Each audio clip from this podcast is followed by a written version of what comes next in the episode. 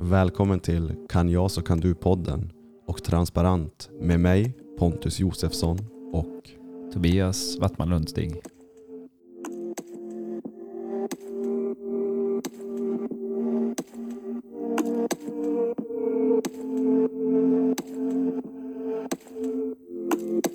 Sådär, actual recording.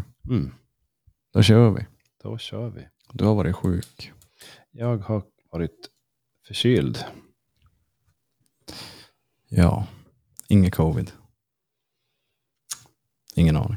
Fullt möjligt. Det var eh, faktiskt en väldigt otrevlig förkylning tycker jag. Mhm. Så eh, Feber då? mm, jo, lite feber, eh, huvudvärk, eh, ont i halsen, väldigt ont i halsen. Och så lite, jag kände påverkad i, eh, irrit, väldigt, ganska kraftigt irriterad och hade ont i de övre luftvägarna. Övre delen av luftvägarna. Så när jag tog djupa andetag som var lite kraftigare, då kände jag att eh, eh, lite, inte nu så här svårt att andas, men, men lite svårare att andas än vanligt. Mm. Och då ja, blev jag bara påmind om att om man, om man får det här och så blir det ännu värre, som vissa då hade under covid, så är det ingen trevlig situation att befinna sig i. Mm.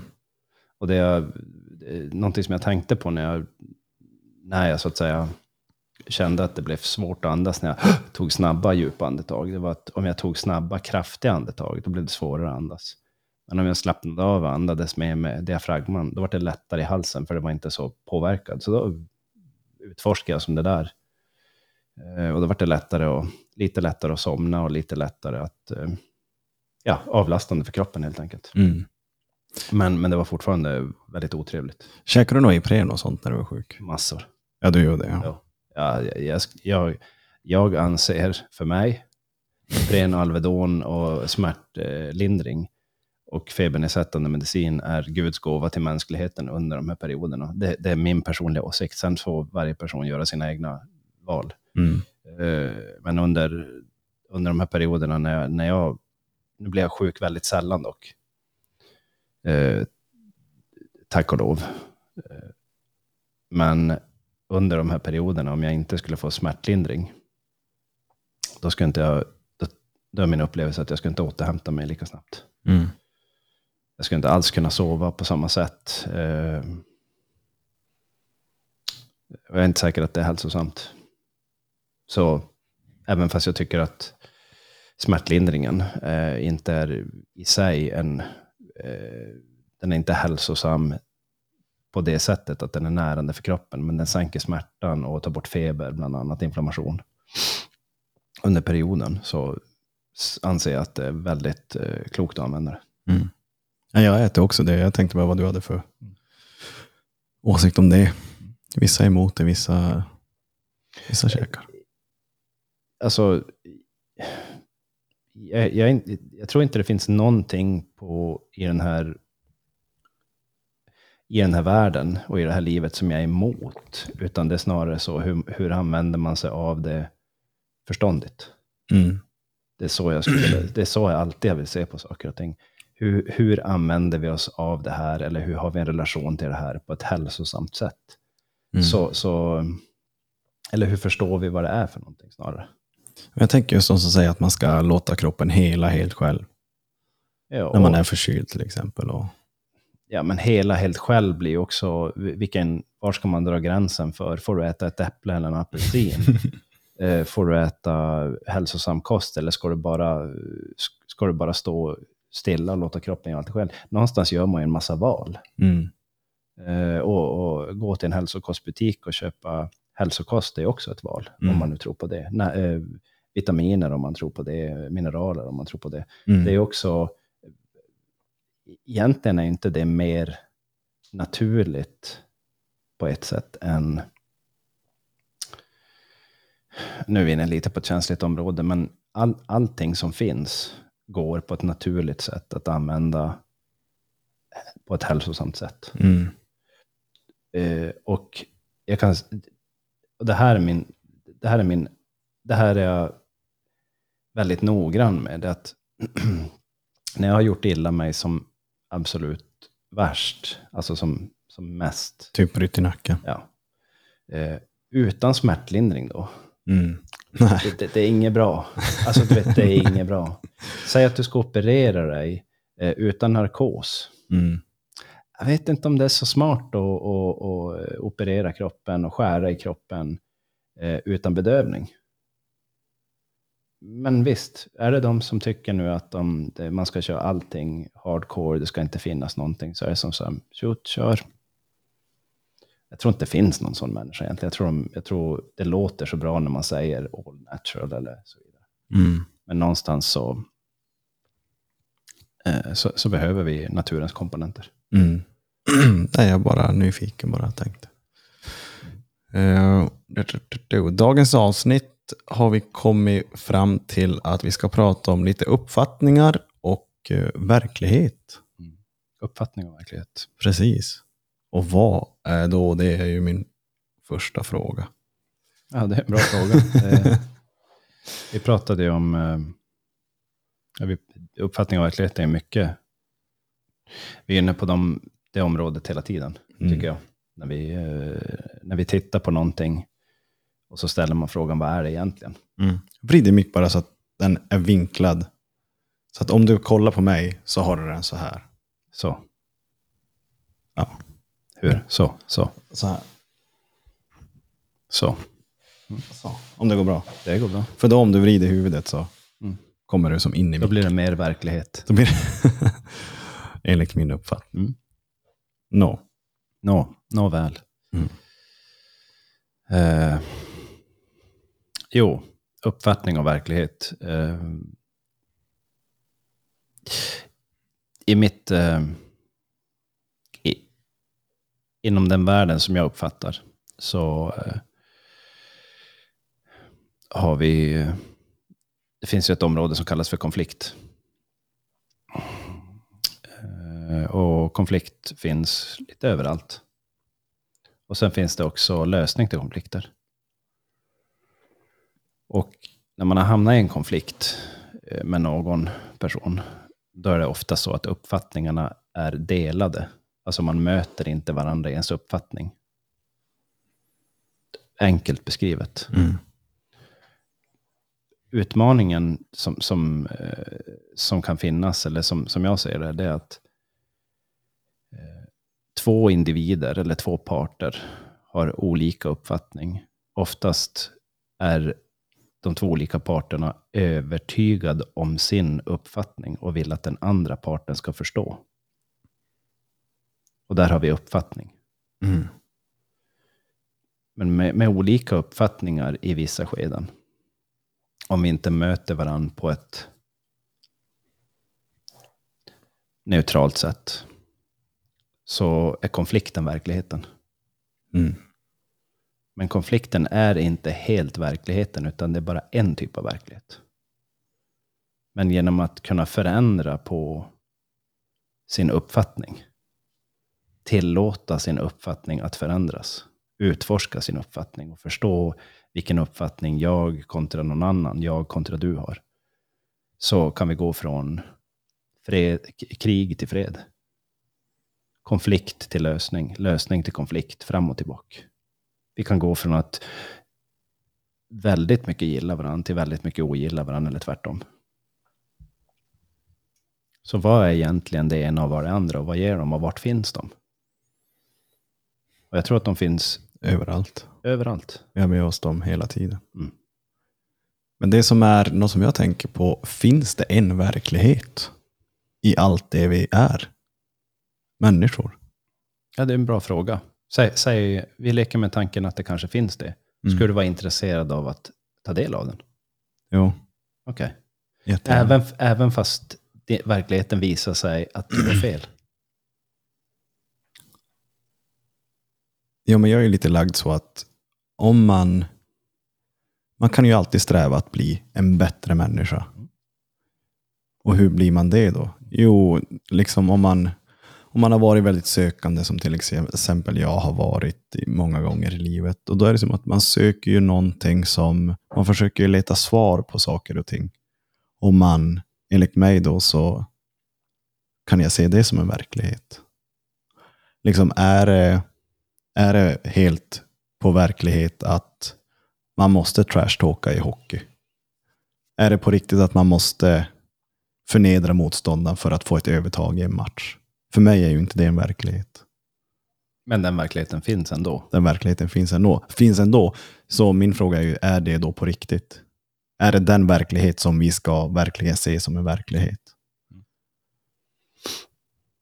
Till exempel. För jag ser ju inte meningen med att om jag ska vinna över dig så ska jag först få dig ur mental balans.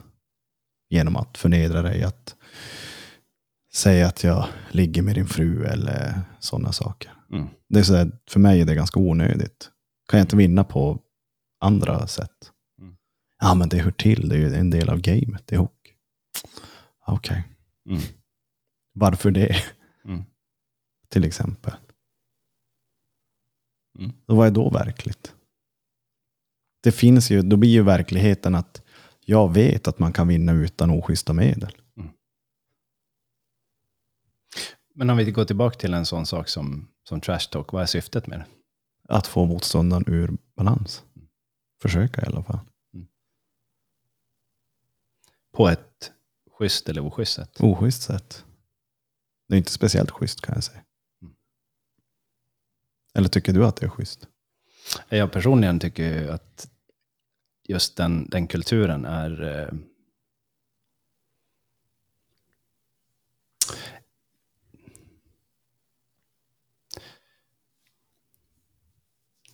jag skulle kunna sätta många ord på den, men eh, eh, den skapar någonting som de flesta, tror jag, inte vill ha. Vill du utveckla?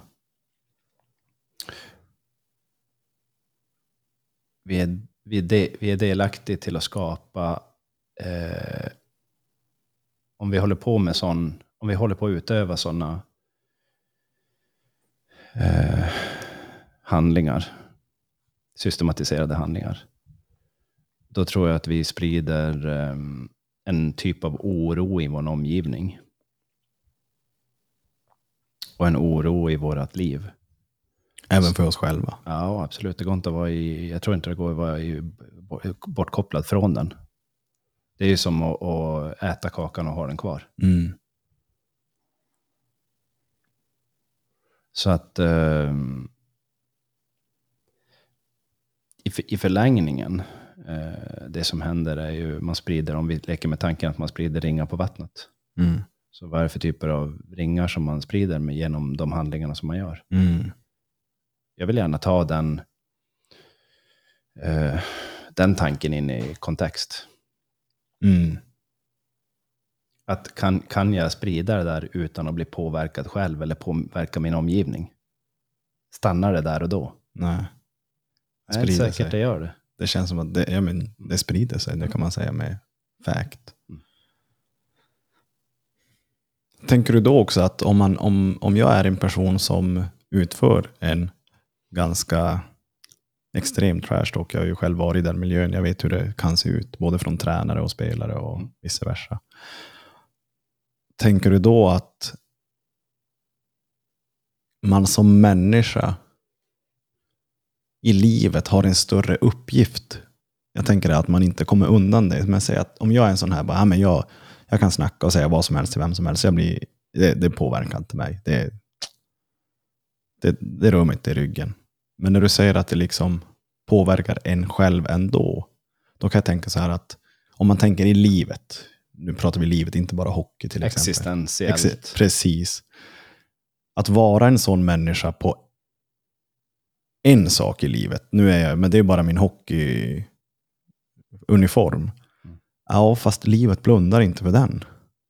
Det, förstår du vad- vad jag menar då? Att man i, i som livet har en större uppgift än att vara en trash talker.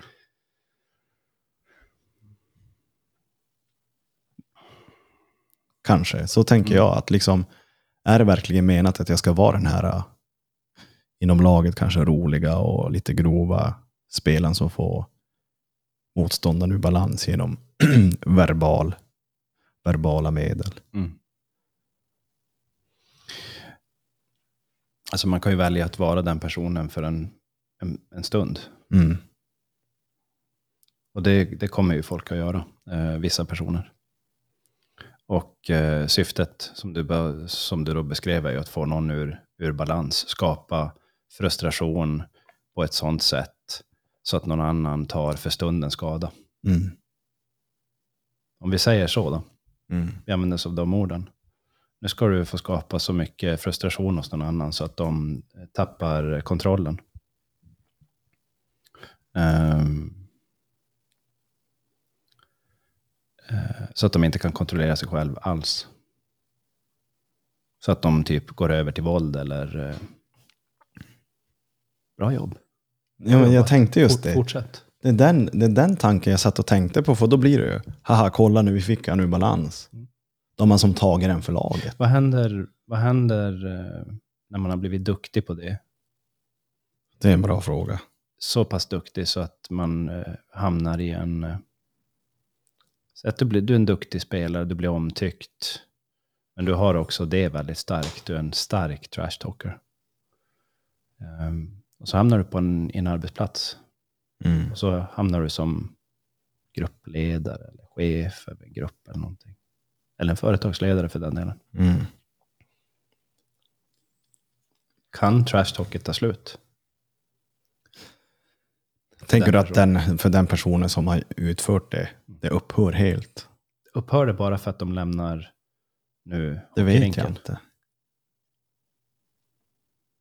De har ju som varit den människan i så fall en gång i tiden.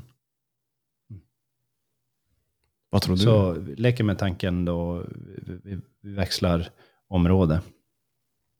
Ehm, för dig som har varit, du har ju varit elitidrottare. Och så de, de beteendena som du hade under tiden du spelade hockey, mm, försvann de när du slutade med hockeyn? inte direkt. Det kom först senare. När jag fick perspektiv på vad det faktiskt var i den där kulturen. Vad det, vad det är att vara inne i en del av en hårt satsande pre- prestationsbaserad miljö. Men just direkt efteråt. Sen har jag väl aldrig varit en riktig trash talker. Nej, det var inte så jag menade, utan Mm. snarare du, du beskrev ju att du hade, du hade en, en viss eh, filosofi om hur du skulle ta dig framåt. Mm. Och den filosofin, bara för att du byter en miljö till en annan miljö, försvinner filosofin. Mm, nej. Nej, det gör inte det. Nej, nej okej. ja. Filosofin ligger mycket djupare än bara miljön. Mm. Den kan vara en del av miljön, absolut. Mm. Så den verkligheten vi pratar om där är ju en typ av verklighet. Ehm, och eh, om vi, om vi går tillbaka till till exempel eh, ja, men livsåskådningar, precis vad som helst, så finns det ju det finns de som har vi brukar, jag brukar lyfta upp de här perspektiven eh, van, vanligtvis. Eh, ofta. Och det är ju till exempel någon som är vetenskapligt lagd i, sin tanke, i sina tankebanor. Eh, i vad nu det betyder då. Och sen har vi kanske någon som har ett religiöst tankesätt. Mm. Någon som är mer andlig i sitt tankesätt. Det här är ju, kan ju vara helt olika Mm. tankesätt. Kan vara, kan vara väldigt lika också. Och de här kan ju ibland eh, mötas på ett oförstående sätt till varandra. Mm. Eller så kan man mötas förstående till varandra, accepterande för varandra. Ehm, jag tycker alltid det är intressant just hur, hur, hur möten sker.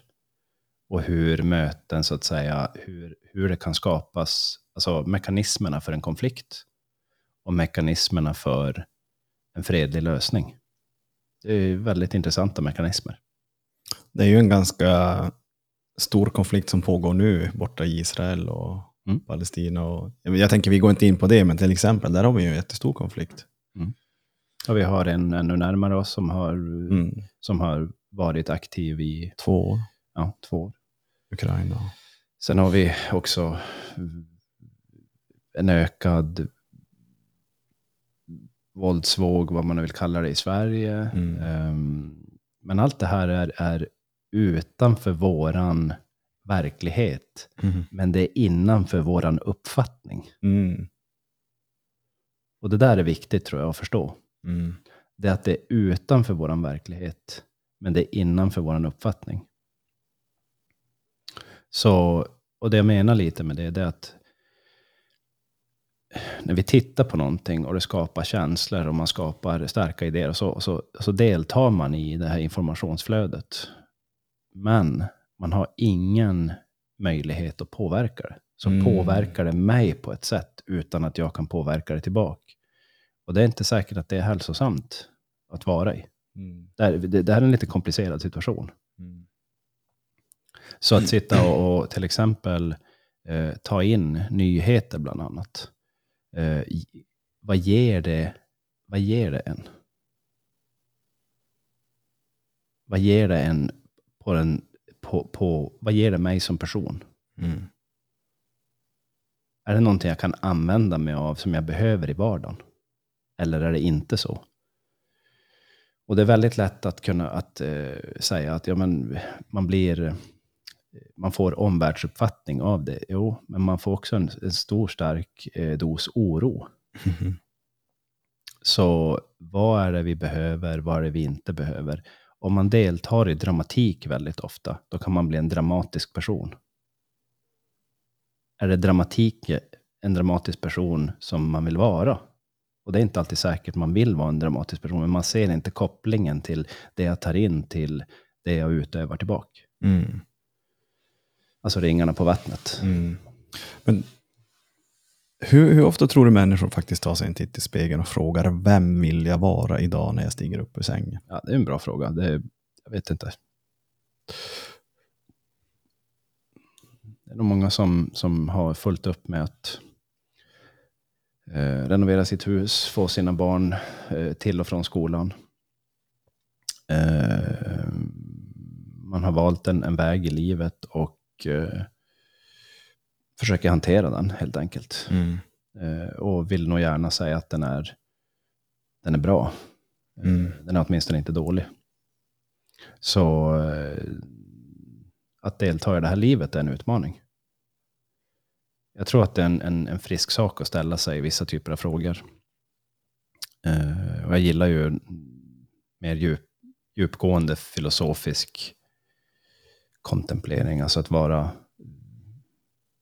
att låta sig tänka i de här banorna. Mm. Vad är verkligheten och vad är en uppfattning bara? Som till exempel, vad, vad, vad är hälsosamt? Mm. Ja, vad är hälsosamt? Träning är hälsosamt. Ja, men i vilken mängd och vilken typ av träning? Mm. Och varför tränar jag? Vad har jag för typ av kropp? Vad har jag för typ av liv? Eh, Men verkligheten i just det påståendet är ju att träna är ju hälsosamt. men Det- trä, träna är ju så stort. Precis, men jag tänker att, att bara kunna säga det, det är ju på något sätt sant. Sen kan man bryta ner det. Ja, sant och sant. Eh, trä- träna är hälsosamt. Eh, ja, inte helt, helt säkert. Vila efter träning är hälsosamt. Mm. Näring efter träning är hälsosamt.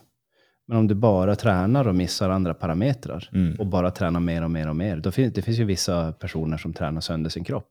Mm. Men det var ju hälsosamt. Mm. Eh, att, ha, att ha en målbild är hälsosamt. Mm. Men att ha en målbild och inte kunna byta ut den, Mm. är det hälsosamt?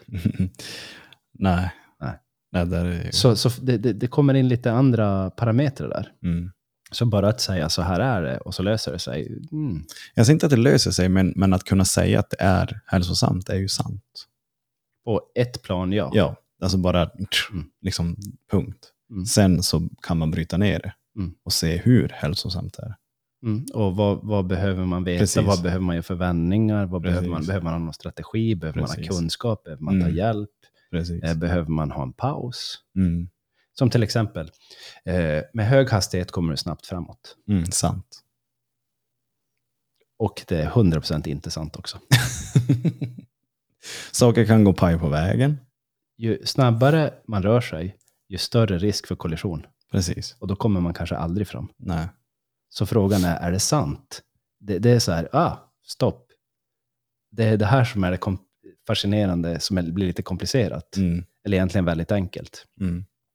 Om man ställer frågan bak i varje sak, är det här riktigt sant? Mm. Utan att säga ja, det är sant för att jag tror på det. Mm.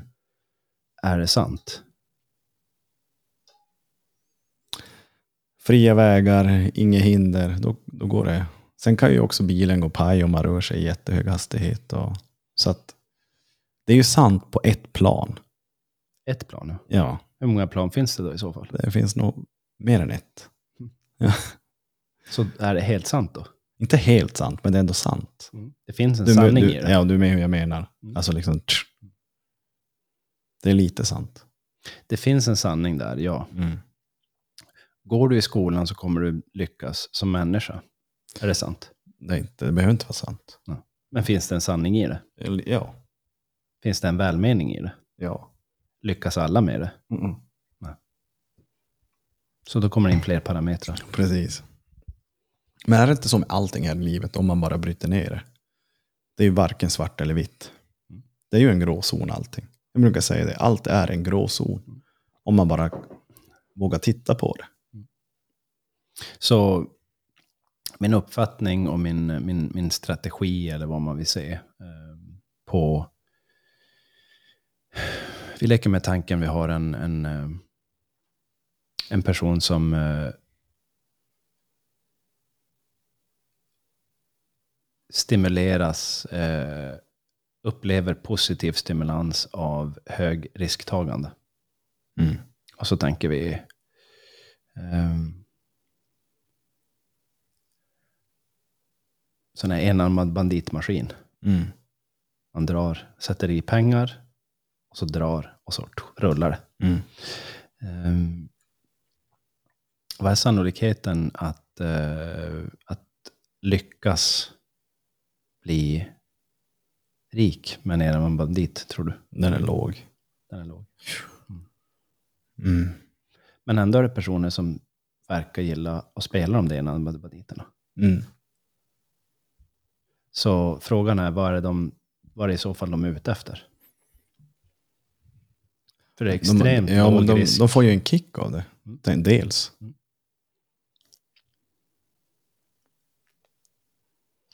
Så vad är det de är ute efter? Jag vet inte om jag kan svara på den frågan. De är ju säkert ute efter att jag är, kan de, är, de, vinna. är de ute efter att bli av med pengar? Inte om man, jag skulle man ställa frågan så, så nej. Då säger de nej. De är, inte, där- de är inte ute efter att förlora, Nej, utan de är ute efter att vinna någonting. precis. Eh, en person som har ett spelmissbruk, eh, har du träffat någon sån någon gång? Mm. Har faktiskt en i podden som har varit. Eh, vi kan ta det som ett litet samtalsämne då. Mm. Så spelmissbruket för den här personen, blev det lyckat? Nej. Kan du beskriva lite grann vad som hände? Det blev, ehm, det började ju med ja, men, att ta de pengar man har tjänat ihop på jobb och liksom man, man spelar med de pengar man har. Men sen börjar man röra sig med pengar man inte har, utan det är banken som har lånat ut de här pengarna. Och ju mer man förlorar, ju mer var man tvungen att vinna tillbaka. Mm. Så till slut, om jag inte minns helt fel, det kan vara någon summa fel, men det var minst 500 000 i alla fall i lån. Det Kan ha varit 700 också. Som man står då med och man har inte vunnit så mycket. Och personen, nu, nu, nu pratar vi lite fiktivt om, eh, för personen är ju inte här. Uppfattningen eh, att det är möjligt att vinna tillbaka pengarna, Den finns ju där. den finns där. Ja. Verkligheten, den finns ju där också. Men om Mm. man kollar på uppfattning och verklighet, hur de går ihop med varann, så skulle man sätta sig ner och kolla och så säger vi så här, okej, vi behöver få ihop, vi leker med tanken en miljon kronor. Mm. Så vi leker med tanken att du och jag kan skrapa ihop några hundratusen. Ska vi börja spela du och jag tillsammans? För det är ju, och så sätter vi det på så här högriskspel, för då, då, Nej, jag hade inte velat göra det med dig. Eller jag hade inte velat göra det överhuvudtaget. varför då? För att jag ser riskerna i det.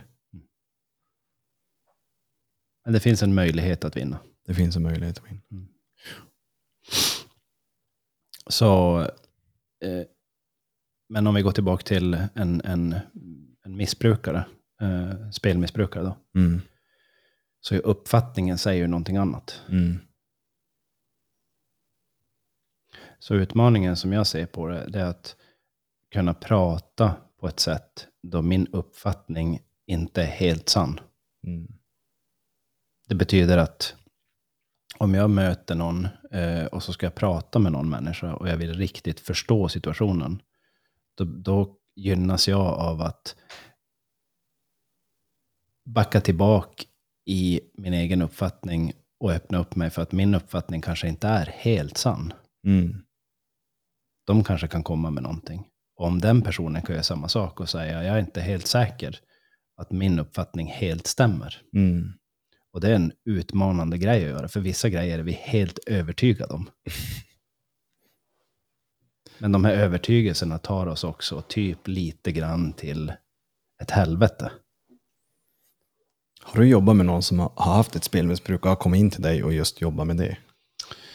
Är det någonting du är familjär med? Alltså jag, har inte, jag har inte jobbat direkt med någon som specifikt uppsöker spelmissbruket som, eh, som det primära. Däremot så kommer, kommer personer in och jag skulle säga att på frågan så är det både ja och nej. För ibland kommer personer in och, och, och vill jobba med sin hälsa och sitt välmående. Och då är ett spelmissbruk en del av det. Mm. Men eh, sen om det är primärt, det kan vara primärt. Eh, för det skapar ju ett spelmissbruk. Eh, ett spelmissbruk rör ju alla i personens omgivning.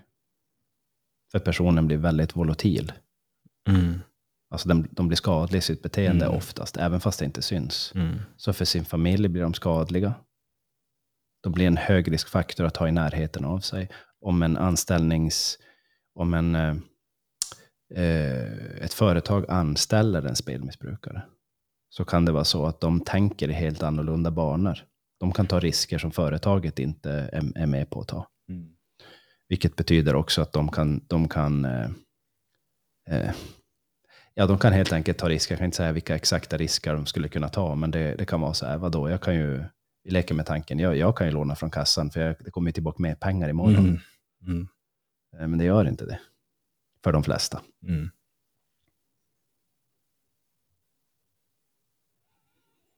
Och sen finns det de som eh, verkar lyckas för de har en god strategi i eh, sitt spelande. Jag har en kille som kund som är, han livnär sig på, på betting. Och han verkar, om det stämmer det han säger, då går det ganska bra för honom. Men däremot så är det en ganska speciell bransch att vara i, för han beskriver att de här spelbranschföretagen, de håller ju koll på de som spelar. Mm. Och börjar folk vinna mer än de förlorar, då stängs de av. Så det, det finns en... Eh, eh, om man får vara med i spelbranschens eh, algoritmer, då betyder det att spelbranschen vinner mer på dig än du vinner på dem. Det är så algoritmerna är byggda. Det är alltså, det, det, det, spelbranschen finns inte där för att du ska få en kick och Nej, jag är, vinna. medveten. jag är medveten om det. Så, eh, men det, det är inte kanske alla som tänker på det. Mm. Och det är därför jag säger till, eh, lite krasst där när, när man pratar om så här lotton och hit och dit. Där, så, så, ja, men, när, man, när det görs reklam att personer vinner, då är det 10 000 personer som har förlorat för varje person som vinner. Mm. Nu bara tog jag en, sum, en siffra, men Mm. ungefär. Och, och tro att det här är någonting positivt, och det är ju tvärtom. Det är ju ett affärssystem för att stimulera folk att, åh oh, shit vad intressant, snart Mm. jag kanske skrapar här och så vinner. Mm. Sannolikheten är låg. Det är som eh, det, det var länge sedan nu i Lyxfällan i programmet. De var ju så skuldsatta för de, då sa de även att de har ju räknat med att vinna på Triss. Så det skulle vända. Så de där personerna där. Ja, precis. Det är ju, det, där, det är, ja men det, och det kan man skratta åt eller inte. Ja, men det blir ju lite Ja, komiskt. det- Och, och samtidigt långt ifrån komiskt. Ja, men det är, det är väldigt... Mm. Eh, där är ju kraftigt spelberoende. Mm. Så man släpper eh, personerna och deras analytiska förmåga är helt bortkopplad. Mm. Och bara nästa gång, nästa gång, nästa gång. Mm.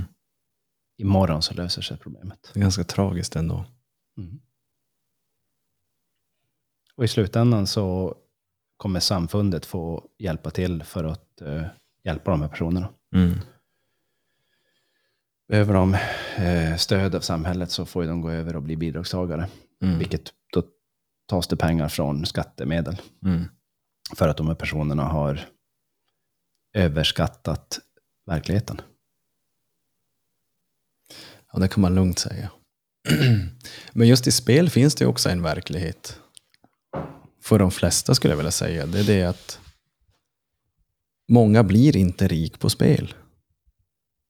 Det är ju ett mörkertal också för eh, vem, ehm, vem är det som spelar? Vem är det som spelar på ett hälsosamt sätt? Mm. Vem spelar på ett ohälsosamt sätt? Och vem spelar på ett skadligt sätt? Mm. Det där är ju jättesvårt, för folk spelar ju i sin ensamhet. Mm. Och om man pratar med en person, som jag, jag har en, en nära person till mig som är spelberoende. Den personen, när den personen pratar om spel, då pratar den personen väldigt frekvent om när det har gått bra. Mm. Inte så frekvent när det inte har gått bra. Men sannolikheten är att det går åtminstone lika många gånger inte bra. Mm. Jag skulle, jag skulle gissa, det här är min gissning, eh, många fler gånger inte bra. Men det lyfter man inte upp som, som viktigt att prata om, Mm. utan bara när det är stora vinster. Och då vrider man också verkligheten. Mm, det gör man. Och den här personen är väldigt bra på att vrida verkligheten. Mhm. Men det är en, nära, en väldigt nära person till mig.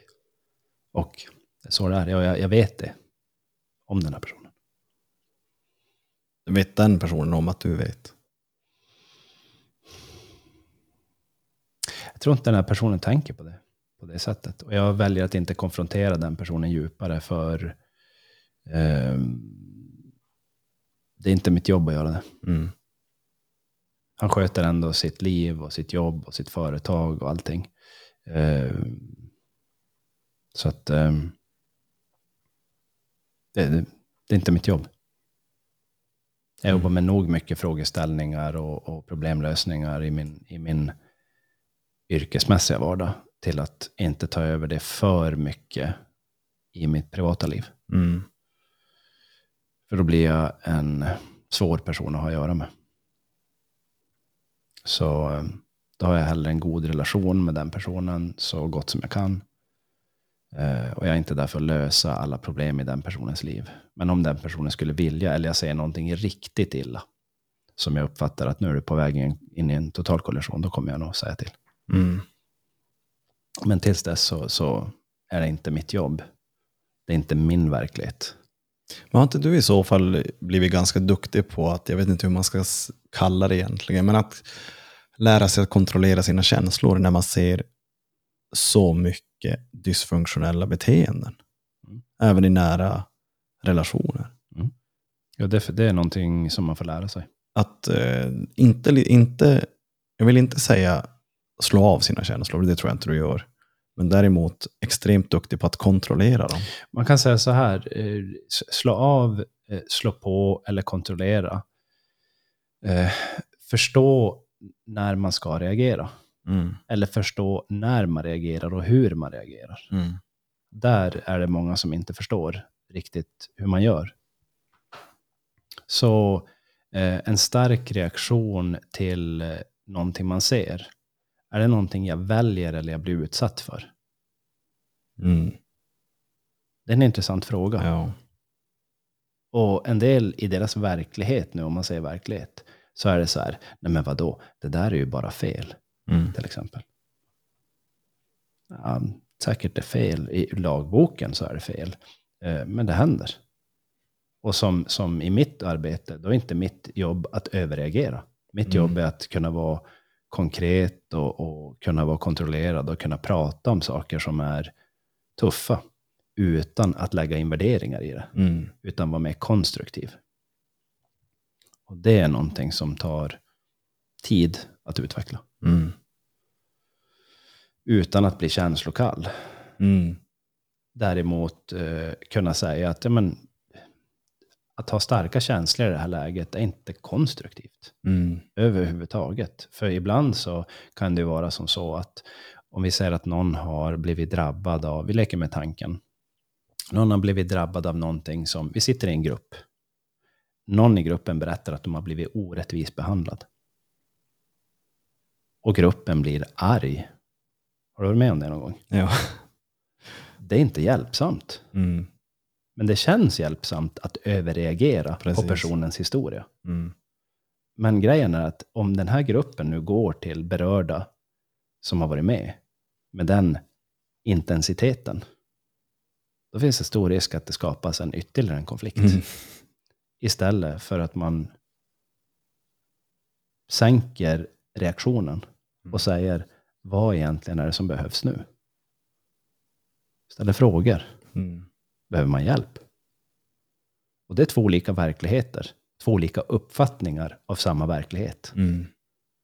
Så vilken verklighet är sann? Ja. Hänger du med på att det blir väldigt enkelt och komplicerat samtidigt? Ja, ja det, blir, det kan bli väldigt komplicerat. För att man, man måste ju verkligen få, få belysa bägge sidor för att ens kunna få en förståelse av vad det är som egentligen är en konflikt. Där är ju ko- kommunikation, alltså dialog. Mm. Fruktansvärt viktigt. Om man vill gå den vägen. Mm. Men vill man bara till exempel... Vill man eh, få fram sin mening genom att inte lyssna på den andra? Då kan man också försöka det. Mm. Alltså överrösta den andra. Det är ju en typ av krigsföring. Då, då för man våld mot någon annan. Mm. I en viss grad. Hur ofta funkar det har du sett? Nej, men det funkar ju på en viss grad. Är någon väldigt stark och exploderar på någon annan så kan man ju skrämma någon. Men har det löst problemet? Jag menar på att det inte har löst problemet långsiktigt. Mm. Nej. Kortsiktigt kan problemet kännas som att eh, nu, nu, är det, nu har det deeskal- deeskalerat för stunden. Mm. Men, men det är inte över. Det ligger där och, om man skulle använda ord, uttrycket, det ligger där och pyr som en glöd. Och snart kommer det till eld igen. Så genom att få tala ut och få förståelse för varandra. Att dela på uppfattningarna. Och det, det- det är en konst att kunna, för, en, för vissa personer är det ganska, i deras uppfattning så har de helt rätt. Mm. Helt rätt. Något jag direkt kom att tänka på det var ju, om jag tänker tillbaka på min hockeykarriär, där man när man kom upp i övre tonåren när allt man som eh, hock- elitsatsande hockeyspelare skulle göra var att suck it up. Mm. Ingen idé att klaga. Suck it up. Det är ingen, ingen idé att prata om det. Suck it up. Kör hårdare, hårdare, hårdare. Men allt man ville var bara att få ur sig det man sitter och trycker på. Mm. Men samtidigt så har man en röst här borta som säger suck it up. Du kan inte prata med någon om det. Men allt jag ville var att prata med någon om det. Och då kan man säga så här, det, det det du beskriver där, är, det, det, det är ett väldigt bra exempel. Är det sant?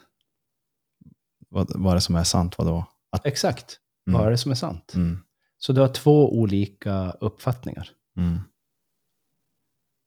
Två egentligen olika intressen. Men den ena utövar mer kraft på den andra och säger, vad sa du igen? Suck it up. Allt, liksom, Sug in det och håll sug, käft. in, det. sug in, håll käft, men allt jag ville var att inte hålla käft. Och det här är olika metoder av att jobba. I- inte för att säga att den är fel, Mm. utan det är ett sätt. Mm. Eh, väldigt brutalt maskulint sätt skulle jag kalla det där för. Mm. Eh, men å andra sidan så skulle man kunna säga så här, den effekten som blir av det, det är så, okej. Ehm, men så gör vi så här istället. Så testar vi ett eh, parallellt spår. Ehm, vad skulle du vilja säga? Mm. Där och då tänkte du? Ja, så gå tillbaka dit eh, Mm. och, och tänk dig in i den situationen. Nu leker vi bara en lek. Mm. Vad skulle du vilja säga? Mm. Jag hade velat prata med någon som dig som inte lägger någon värdering i vad jag faktiskt har att tycka. Vad tyckte du då? Om du, kommer, om du försöker komma ihåg. Ja, men det är, lite, det är ganska brutalt. Jag vet inte vad jag ska säga. det. Testa säga det du kan säga då. Ja, men till exempel sista året, jag tänker när jag var i en förening så, så kom andra tränaren faktiskt och tog tag i mig och bara, vad fan Pontus, hur är det? Alltså, liksom, hur, hur känns det? Och då sa jag bara att ja, den där personen beter sig som en jävla fitta. Jag ska, bara, jag ska bara hålla käften och bita ihop. Jag får inget svar på någonting. Jag får inte öppna käften för då lyssnar han inte. Jag ska bara sätta mig och vara tyst. Då kom det det, det, det var, ett längre samtal, men då kommer jag ihåg så påtagligt att det brast för mig. Jag bara spydde galla över den här människan. För att så kände jag mig behandlad. Så att, för att det var liksom, när jag hade något att säga, då var det bara, nej, sätt dig och var tyst bara. Mm. Mm. Så att det, det, men då är det också flera år av att ingen, av att den personen inte på något sätt kanske har sett mig för, för den jag är, utan jag var som bara en bricka i ett spel. Och, Mm. och det blir ju frustrerande till slut. Speciellt jag som är en ganska, ganska känslomänniska. Känslig människa som jag brukar säga att I have my heart upon my sleeve. Mm. Men ibland kan jag bli kallad känslokall, men, men jag har mycket känslor. Men jag är precis som, som du höll jag på att säga, men jag har ju fått lära mig att hantera mina känslor på ett, vad jag tror är hälsosammare sätt. Att om jag behöver, om jag behöver vädra så försöker jag vädra. Istället för att bara suck it up. Jag tror inte på att bara suck it up. Du är man, du ska bara sitta och vara tyst, gör ditt jobb. Mm. Jag tror inte på det. Mm. Men ja, det var mycket frustration där och då. Man var ung, Mm. inte lika mogen som nu förstås. Så, ja, det bara brast. Mm. När någon faktiskt frågade, bara, du vad är det? Mm. Vart? Mm.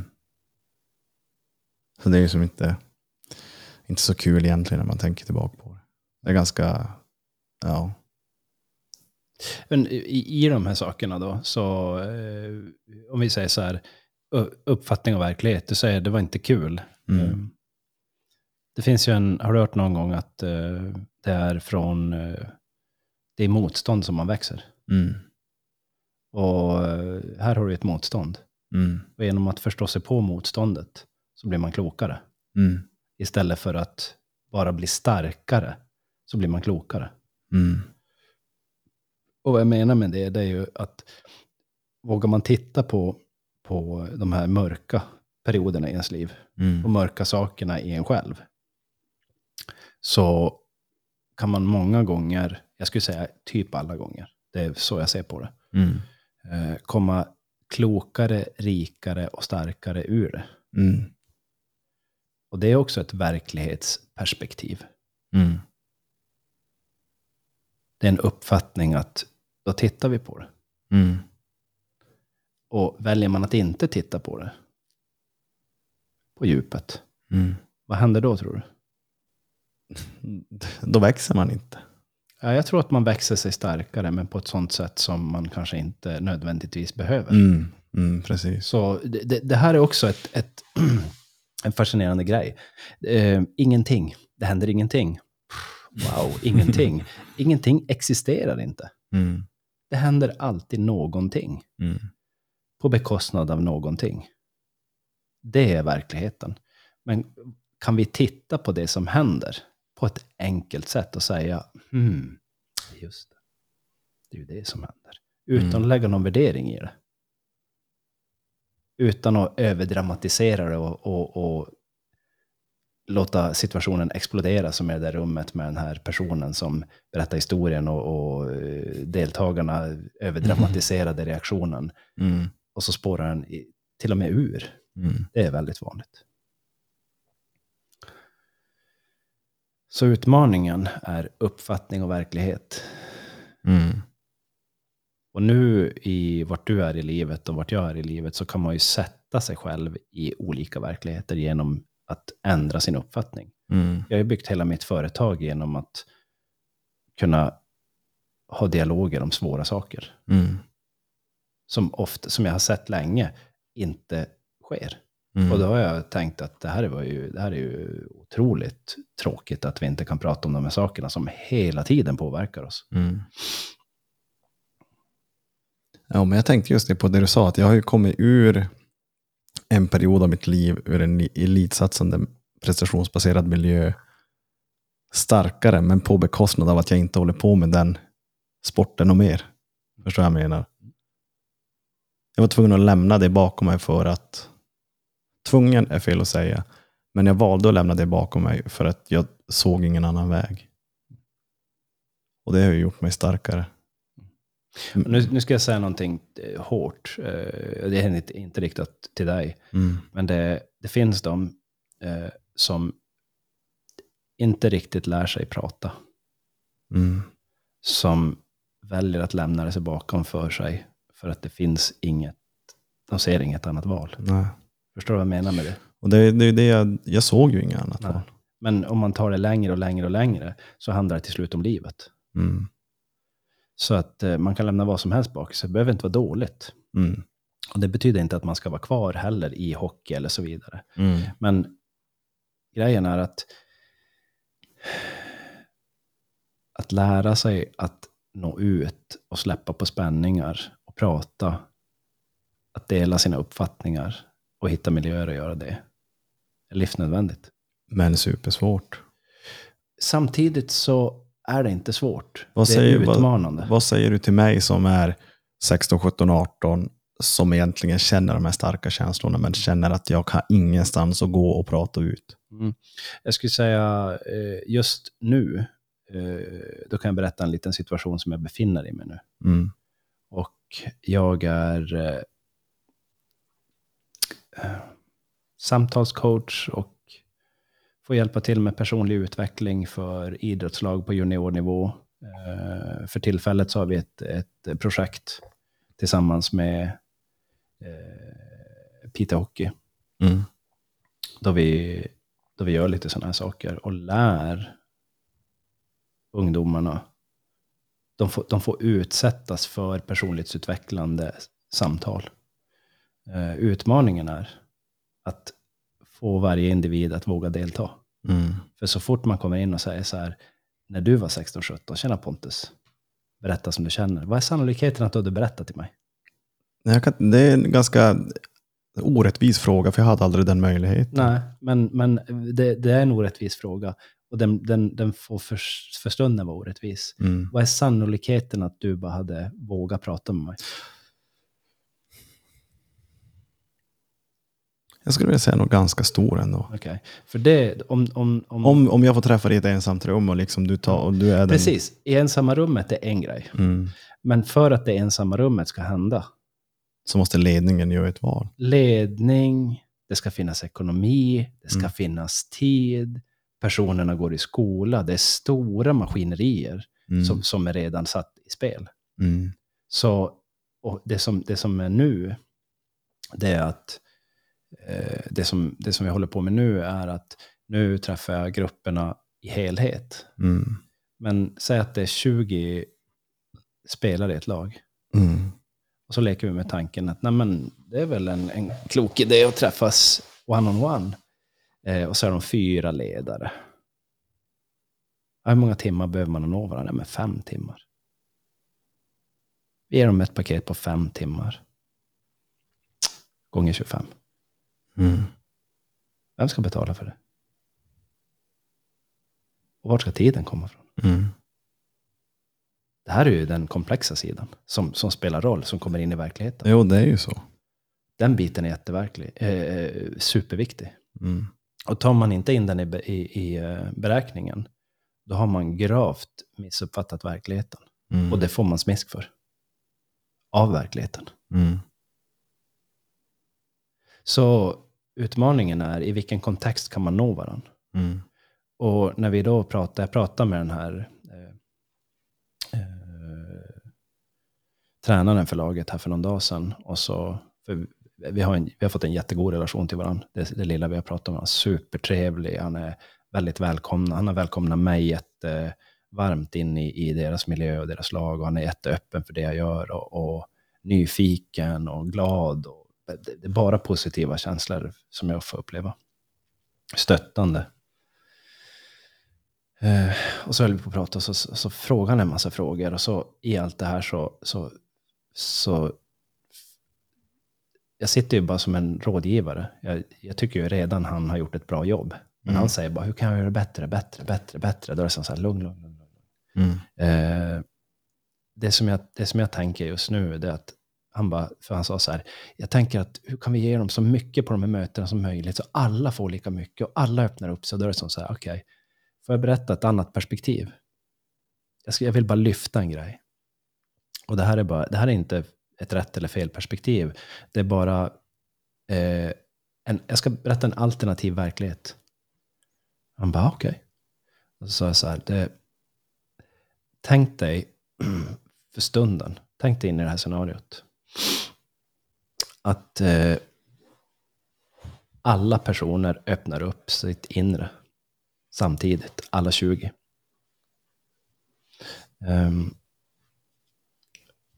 hur ska vi hinna ta emot det? Och han bara, åh just det, det hade jag inte tänkt på. Mm. Nej, så det, det, jag ville bara lyfta det perspektivet för att det som är grejen, det, det, det, för det första så är det en utopisk omöjlighet att alla ska få lika mycket. För det har med så många faktorer att göra. Mm. Trygghetströsklar och så vidare. och Så vidare, och så vidare.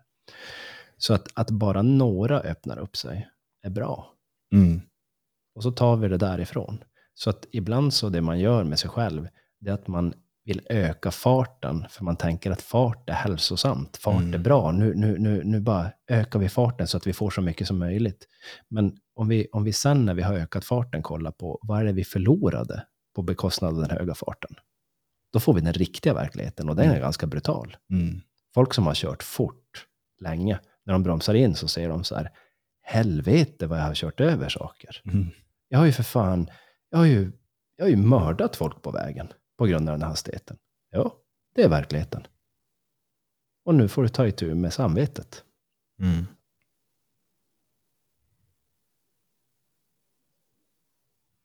Så genom att önska att man hela tiden skulle vara mer och mer och mer och mer, då missar man här och nu. Mm. Så jag hela tiden, jag, jag, jag, jag, poängterar att, att det rör sig långsamt är bra. För den miljön som ni befinner er i, den är prestationsinriktad och rör sig snabbt. Och det är raka motsatsen vad ni behöver hela tiden. Den ska göra det, Mm. men inte hela tiden. Mm. Man ska växla mellan långsamt och snabbt och långsamt och snabbt. Och sen djupdyka och så kunna vara ytlig. Och djupdyka och kunna vara ytlig. Och nu djupdyker vi. Men när vi gör det i de här timmarna så jag tycker att vi har redan nu lyckats genom att alla verkar vara öppna för det vi gör. Och då sa han det efteråt, han bara, men alltså det är ju det, är ju det här som är problemet. Man är så otroligt uppskruvad på att nå dit och så glömmer man att man är här. Mm. Så det, det är det mitt jobb mycket går ut på. Att se vad händer egentligen här och nu. Inte bara lägga plan för där och då. Hänger du med på hur jag tänker? Oh, ja. Men vad, vad har du fått ut? Hur, eh, hur får du till exempel en sån stor grupp att faktiskt eh, vara öppen för det du har att komma med? Eh, vi sitter ner och pratar om saker som spelar roll i livet. Och det är ju lite sådana ämnen som vi pratar om här. Mm. Och så sen så genom att lyfta, lyfta upp eh, eh, nyckelområden som till exempel närvaro, respekt. Eh, att man är artig. Men inte artighet som inte är kopplad till respekt. Mm. Eh, kan jag känna mig trygg? Trygghet är ingenting man ska propsa på att det måste finnas där. Men kan du vara ärlig med om du känner det eller känner inte? Mm. För känner man inte trygghet, då kommer man över eller underprestera. Då kommer man vara avvikande från verklighet och ärlighet. Så gå in i en, en tänk dig in i vilken miljö du än har varit. Om du inte känner dig trygg, vad händer med din kropp? Det, det händer massa saker. Känner du att det är massa positiva saker? Nej. Nej. Men om du då får byta ut det mot trygghet, du känner dig samma i miljö och så får du känna att du kommer in dit och är trygg. Mm. Vad händer då? Det är ett mycket mer lugn. Lugn, Mm. avspänning. Mm. Så en sån miljö är det jag vill skapa. Överallt dit jag kommer. Mm. En miljö där man känner att ja, här kan jag dela på information som jag tidigare inte kunde dela på tidigare. Om vi ska öppna upp vårt inre och berätta någonting som vi tycker är jobbigt, men vi känner oss inte trygg. Mm. Lite svårare är Eller nu är jag lite artig. Det är mycket svårare. Men har vi en miljö där vi känner oss trygg, då plötsligt kommer det fram mer information. Så det är sådana miljöer jag vill, jag, jag hjälper till att skapa. Mm. Men vad, vad kan du se är, när du jobbar i en prestationsbaserad miljö, vad kan du se är um, många bieffekter med att eh, vara i den miljön? Liksom, vad, kan, vad är väldigt så här, ja, men det här är väldigt vanligt, kan man se hos människor? Det vet jag inte om jag kan säga sådär i och med att eh, prestationsbaserade miljöer har vi ju överallt. Alltså när jag kom, Mm. Bara när jag kom hem nu från, från min resa till Indonesien, från Indonesien, så, så direkt jag kom hem så kände jag bara att alltså, saker är väldigt uppskruvade och går väldigt snabbt. eh, mycket, inte allt. Mm. Och jag, det är lätt att bli meddragen i det, så stress ska jag säga Mm. är någonting som jag känner att jag, jag är känslig för det. Jag är inte övermänsklig på något sätt. Eh, och den känner jag att jag... Jag vill inte bli indragen i den här, eh, vad ska man säga, eh, virvelvinden av stress. Mm. Och, så att det blir mer, mer, mer, mer, mer. Och snabbare, snabbare, snabbare, snabbare, snabbare. Och måste, måste, måste, måste. Och ska, ska, ska, ska, ska. Alla de där. Utan snarare, ta, ta det lugnt. Vad behöver vi göra? Mm. För som sagt, stress kan vi öka hur mycket som helst. Och i stressfulla situationer, om vi gör det mer stressat än där, så är frågan, vad händer med verkligheten? Mm. Så vi kan i våran uppfattning uppfatta att så här ska vi göra, ska vi göra, ska vi göra, ska vi göra. Men det är, ett, det är en uppfattning. Och om någon säger till mig, vilket jag ofta hör, vi har inte tid. Då brukar jag säga, mm, okej, ska vi kolla på det? Och efter vi har pratat en stund så säger de, ja, jo, nej men fan, vi hade ju tid där och där och där. Jo, det var ju på grund av att vår strategi var ju uppmålad på ett visst sätt. Mm. Vi hade filosofier och ideologier som gjorde att vi har inte tid med någonting. Men då har vi inte tid för en lösning heller. Och får vi då ett problem, då har vi inte, löst, då har vi inte tid att lösa problemet. Och jag tror att det är tvärtom. Det är bara en vansinnes, en, en vanställ, vanföreställning som man har. Som man inte ens vet att man går omkring med. Mm. Så är det någon som någon gång nu sitter och lyssnar på det och säger till sig själv, jag har inte tid. Så vill jag på ett vänligt sätt säga att det stämmer inte. Det finns tid, Är det din verklighet kan du säga det med 100% fakta. absolut. Mm. Absolut. Lika mycket som det finns ett kosmos utanför jorden. Mm. Frågan är bara hur använder vi oss av det? Mm. För om du, vi leker med tanken, om vi inte mår bra, men det behövs tid för att vi ska må bra, men det finns ingen tid, då är det kört. Men det är inte sant. Mm. Däremot så är det en utmaning. För allting som vi har framför oss, allt, kan förändras och kommer förändras. Mm. Så en vacker dag kommer du inte sitta vid den här datorn mer. En vacker dag kommer du inte kunna använda kroppen på det sätt du har gjort. Men i ditt huvud så kan du inte se den dagen. Och du kanske inte vill tänka på den dagen. Jag vet inte vad det skulle ge mig. Just nu alltså. Nej, Men det är det som är grejen. Att om man är öppen för det, Mm. då mognar man i livet. Mm. För den dagen kommer. Jo, men jag, jag är medveten om det. Eh, Men medveten är också sådär, ja, ja, ja, ja, ja, ja. ja, men, ja, men lite grann. Men det är som att om jag får frågan, så här, ja, men, du vet, barn svälter ju i Afrika. Ja, Nej, men den är helt annorlunda. är det det? Det här är ditt liv. ja. Jo, jo. Brukar du sitta och tänka på att du inte kommer få röra dig en vacker dag? Mm. Eller kan? Jag har varit nära sådana skador som... Ja, du har haft en så pass tuff skada att... Så utmaningen är att man tar inte saker för givet på samma sätt. Mm.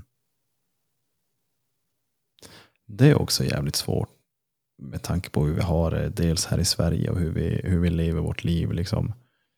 Jag kan ju när jag vill nästan bara åka till ett gym och klättra och springa. Och, Just idag kan du det. Ja, precis. Alltså det, och när, när det blir en vardag så blir det ju svårt att inte ta saker för givet. Som till exempel, vi har pratat om när jag kom hem från Elitstyrkans hemligheter i tv. Och det, det första jag kände var att vad fan har jag snosat förut när klockan ringer 04.00? Det är världens privilegium att kunna stiga upp och gå till ett jobb. Mm. Men ju mer man kommer in i det så blir det ju att ja, men man kanske snosar det igen. Och, Mm. Mm. Så att det, det är ju också en utmaning. Att inte ta sådana självklara saker för givet. Mm. Mm. Så nu när jag stiger upp fem så nu är det, nog, nu är det sällan jag snosar. Mm. Det händer knappt. Men jag vet inte om det är för att jag inte tar det för givet eller bara jag ser det väl bara som fan vad skönt att stiga upp och få röra på sig.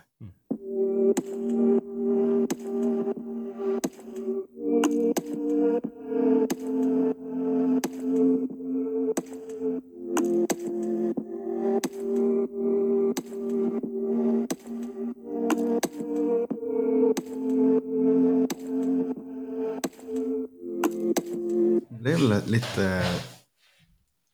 Ja, jag vet inte om man, har, om man egentligen har... Just när man börjar prata om hockey, du vet. Det blir lite sådär... uh, Det är nog känsligt än. När man pratar på det här sättet. Alltså så sätt, på det sättet vi gör. Mm. Men annars, alltså att prata om det så allmänt, det är ju inget problem att berätta hur tränare har betett sig. Och... Men just när vi sitter så här, Mm. då känns det lite extra. Mm. Lite sådär att, oh, jag kanske inte vill prata om det. Mm. Förstår du vad jag menar? Men det, är- det är viktigt. Det kan jag lugnt säga. Mm. Att ta upp de här grejerna. För det är ju saker som har hänt. Saker som är på riktigt. Så nu är det ju dels bara min uppfattning. Nu får man ju bara en sida av det. Men så som jag upplevde det är ju att om någon inte om någon som bestämmer över min speltid inte vill prata med mig. Ja, men det är ju ett, ett sätt att eh, föra, eh, leda, alltså att ha ett ledarskap. Ja, precis. Det är ett sätt. Och, mm, Det är inte ett fullständigt sätt. Det är inte Mm. alla sätt. Det är inte Nej. hela verkligheten. Så att, och i den här vä- världen som vi, som vi lever i så är vi ju, vare sig vi vill eller inte, så är vi under konstant rörelse och mm, en typ av utveckling. Inveckling, utveckling, nedbrytning, uppbrytning, uppbyggning och så vidare. mm, Och eh, utmaningen är väl att se eh, hur tar vi del av den? På mm. vilket sätt tar vi del av den? Hur kan vi påverka den? Jag, jag, jag gillar ett, eh, ut, ett eh, såg en intervju med eh, Apples eh, grundare Steve Jobs. Och då sa han, eh, jag tycker han var en väldigt intressant person för han tänkte klart utanför lådan. I min mening. Och eh, han sa någonting i stil med att eh, det som de flesta har, har missförstått med livet, det är att eh, han, han säger, om jag kommer ihåg det, så är det så här att de flesta människor som han såg på det i varje fall, eh, de, de försöker som eh, navigera in, innanför de här reglerna som är uppbyggda av någon annan. Men det de, och de försöker som att gå i de här korridorerna som finns runt om i livet och så stöter man in i varandra i, i korridorens väggar och så försöker man hålla sig efter någon mittlinje genom livet och så försöker man som vara nöjd med det. Och han sa att men det, det, som, det som man kan göra, det är att bara säga så här, de här, de här ramarna existerar inte. Och så, och så bara går man utanför dem. För det finns dörrar, det man kan gå utanför dem. Och så bara bygger du dina egna ramar. Och, eh, men det som är grejen när man bygger sina egna ramar, då kommer man bli ifrågasatt. Men det kommer man ändå bli. Så frågan är vilka ramar behöver vi? Och jag, jag, jag respekterar det han sa där och då. Eh, sen finns det en hel del runt hans livshistoria som jag kan tycka han, han hade behövt hjälp. Mm. Eh, han verkade inte ha mått helt bra, vilket, vem gör det? Men han, var en väldigt hård person på många sätt. Eh, men vi ska inte prata om honom. Men i varje fall så, det jag har sett, det är att eh, de ramarna som, som, eh, som behövs här, till exempel i det här rummet med den här tränaren, bland annat, om vi tar det som ett exempel. Vi tar Pontus och tränaren vid det här tillfället. Så vill jag vara med och bygga de ramarna. Och det är det jag gör idag. Till att möta varann på ett djupare plan där vi förstår varann och vill hjälpa varann. Och bli Mm. som pusselbitar som lägger ihop varandra så att vi får ett helare pussel istället för att någon ska bara spika fast det stenhårt. Så kan vi lägga om pusslet och pusslet ska i så fall bli bättre på något sätt. Mm. Det vill jag vara med och bygga och det är jag med och bygger idag. Men då har jag också fått kliva ut ur de här ramarna som Steve Jobs beskrev. Mm. Och kliva ut ur ramarna är lite läskigt. Har du någon gång funderat på att det du gör, det, du blir så här, bara, "Usch, vad är det jag håller på med egentligen? Ja. Om, alltså när du har blivit ifrågasatt, om du har blivit det. Är inte bara ifrågasatt, jag kan ju ifrågasätta mig själv också. Mm.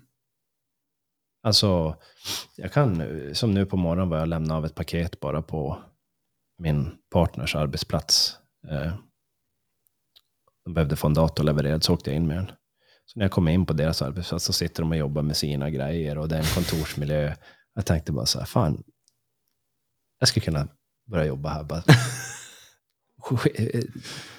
För stunden bara glömma bort det jag håller på med. Mm. Vad får dig att känna så tror du? jag kände en väldigt mjuk, eh, hur ska jag säga, behaglig... Ja, men jag kan sakna kollegor ibland. Jag jobbar ju väldigt mycket själv. Mm. Jag jobbar ju mycket med mina kunder, men jag har, har inte arbetskollegor på det sättet. Det kan jag sakna. Mm. Eh, nu är det så länge sedan jag haft det, men att sakna betyder att jag, jag, när jag kommer in på en arbetsplats där de har det, då är det så här, "Ah, kan jag inte få vara med om det här lite grann? Så det, det är någonting som det finns en... Eh, eh, det hade nog varit en positiv grej eh, att ha. Mm.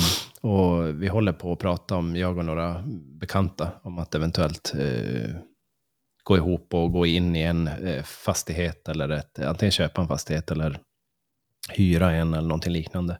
Där vi får en kontorsmiljö eh, där man kan träffas och, och, och ja, man har gemensamt fikarum eller sådana saker som eh, nu behöver inte det bli lösningen till allting, men jag kan känna att jag saknar det. Utöver din klinik som du har då? Ja. Okej. Mm.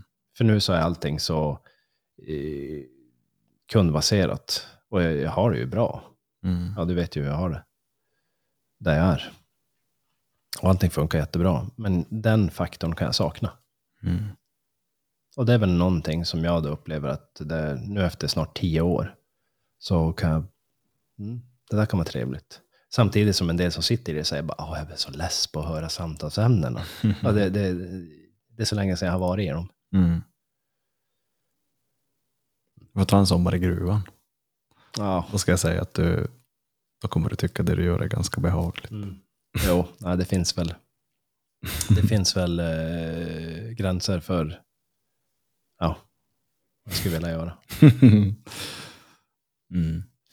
Men sen eh, samtidigt just det här med olika verkligheter också, att vi, vi sitter i Sverige här, tittar på nyheter, får information via nyhetsmedier, tar in och bildar oss en uppfattning. Och jag är väldigt noggrann när jag säger vi bildar oss en uppfattning. Vi får nyhetsklipp som är några minuter långa med jämna mellanrum. Och så bildar vi oss en uppfattning. Och så tror vi att vi har en nykter uppfattning av läget där. Mm. Vi hoppas att vi får det.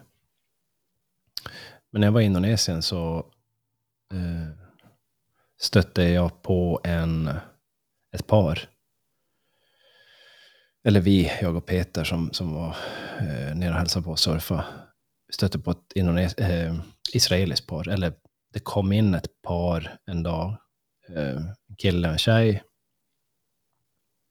Och så pratade vi med dem och så frågade vi dem vart de var ifrån. En standardfråga när man reser. Vart är ni ifrån? Mm. Och så först presenterar de sig som att de var från Polen. Och sen så säger de till oss att vi är, eh, och jag hör på dialekten att de här är inte polacker. Jag kan Mm. höra det på en gång. Det här, det här är inte närheten av polacken, det är något som inte stämmer. Jag tror att de är israeler. eh, och då visade det sig att de var från Israel, men de Mm. reste under ett polskt pass, alltså förfalskat pass. Mhm. För att de får inte komma in i Indonesien. Mm. De har inte så bra foreign relations mellan Israel och Indonesien. så då förfalskar de pass och reser. Det är en ganska stor grej att göra det. Mm. Men det gör de, det. jag har stött på flera som har gjort det. Eh, och så när vi lärde känna dem lite grann och frågade vad de gjorde, så visade det sig att de hade varit i, eh, de var specialsoldater. Hon Mhm. var stridspilot och han var inom eh, typ någon, inom flottan någonting. Någon typ av sil eller någonting, jag vet inte exakt vad det var. Han gick inte in på djupet vad det var, man sa vi special, specialsoldater. Jag vet att, ja. och de hade varit, han sa, vi har precis slutat i militären. Vi har varit nio år i militären. mm. Och eh, så nu är vi som på en resa för att kolla på vad ska vi göra. Han har kommit in på ett universitet och hon ska också plugga och ska byta ut hela sitt liv. Och så pratar vi och, och, de, och så berättar de att men i och med att vi är specialsoldater och på den nivån vi är så är vi, vi är alltid reserver. Så händer det någonting, då blir vi inkallade i krig om det skulle gå till krig. Så, då, men då var ju läget stabilt, eller Mm. till synes stabilt. Och vi umgicks eh, ja, men en vecka ungefär tillsammans. Surfade mycket tillsammans. I och med att vi har lokalkännedom om området stod vi med dem och surfade till olika ställen och vi hade jättekul tillsammans. Guy och Melissa. Vi åt mat två, ja men typ två gånger per dag tillsammans. Och så sen så när vi kommer hem nu till Indonesien, eller, eller från Indonesien till Sverige, så blir det fullskaligt krig i deras hemland. Och det sista de sa var som så att, ja men, alltså vi är ju reserver, så om det händer någonting, då blir vi inkallade. Och då är det det som, det är bara så det är i vårt land. Det, det är det vi lever med. Så tror du att de har fått få tillbaka då? Det skulle jag säga. Men jag tänker att i den sitsen, så det här är ju bara spekulationer. Jag tänker att vad, vad gör man om man inte åker tillbaka? Jag menar, åker de och hämtar dem? Eller? Nej, det, så långt går de inte. Men däremot så om du inte dyker upp när Mm. du är kallad, då finns det nog, eh, då får du nog förklara dig. Just det. Mm. Jag tänker sen när de kommer tillbaka så kanske det blir lite påföljder av det. Ja, alltså det är ju så världen fungerar. Att om du, om, om du har en... vi- tar det mildaste exemplet jag kan komma på. Du har jour Mm. på ett jobb.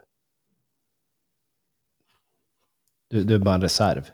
Du behöver inte jobba om det inte händer någonting. Mm. Men när det händer något, då ska du finnas där. Mm. Det är ju så det är. Om du plötsligt har jour och du inte dyker upp och du, du blir inkallad. Säg att du är brandman eller du är räddningsarbetare på något annat sätt, kusträddare, militär. Mm. Militär är ju en sån tjänst. Och så blir du inkallad. Vart var du? Mm. Det är inte som att det bara glider under radarn. Nej. Det är allvar. Mm. på en helt annan nivå. Och då det menar bara det att man sitter med våran verklighet och har eh, vi får information. Kan vi ens förstå vad det är som händer där? Mm.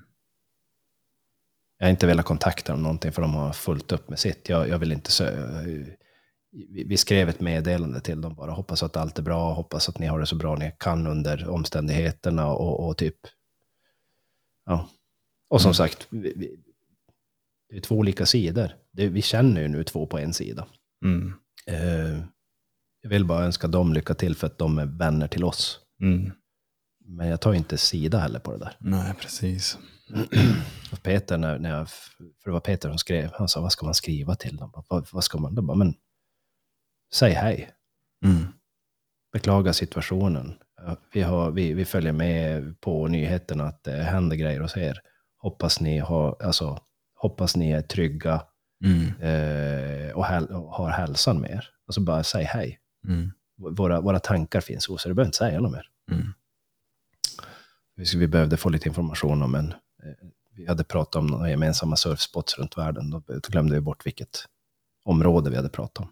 Mm. Och då behövde vi skriva till dem för att få reda på det. Mm. Det var därför vi skrev tillbaka till dem.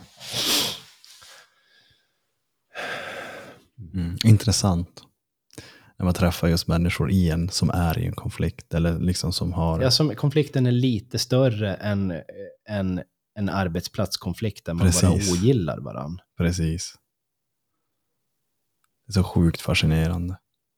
Att kunna prata med sådana människor, alltså icke-dömande. Mm. Mm. Så... Mm. Har du någon verklighet som är verklig? Som faktiskt är.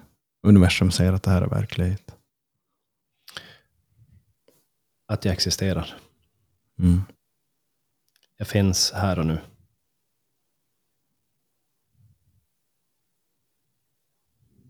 Mm. Jag har, det fin, det, jag är. Men exakt vad man är. Nu kanske det blir lite flummigt, men det får vi ta för ett annat program. Men det, det är lite mer komplicerat. Mm.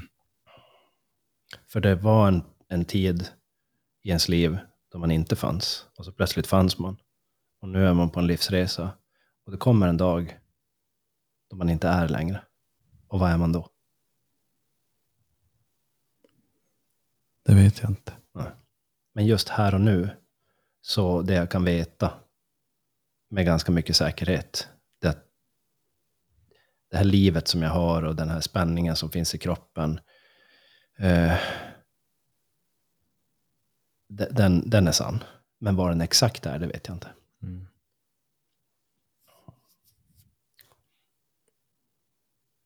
Och det här namnet och den här kroppen och det här si och det så, det är, det, det, namn är ju på, det är ett påfund. Mm. Kläder är någonting jag har köpt eller fått. Bil är någonting jag kör. Men vad jag är för någonting. Och sen vad jag har för känslor och vad jag vill göra med det. Det är nog helt annorlunda. Du då? Om jag har, du någon verklighet. Jag vet inte hur jag ska toppa det där svaret. Du behöver inte toppa det.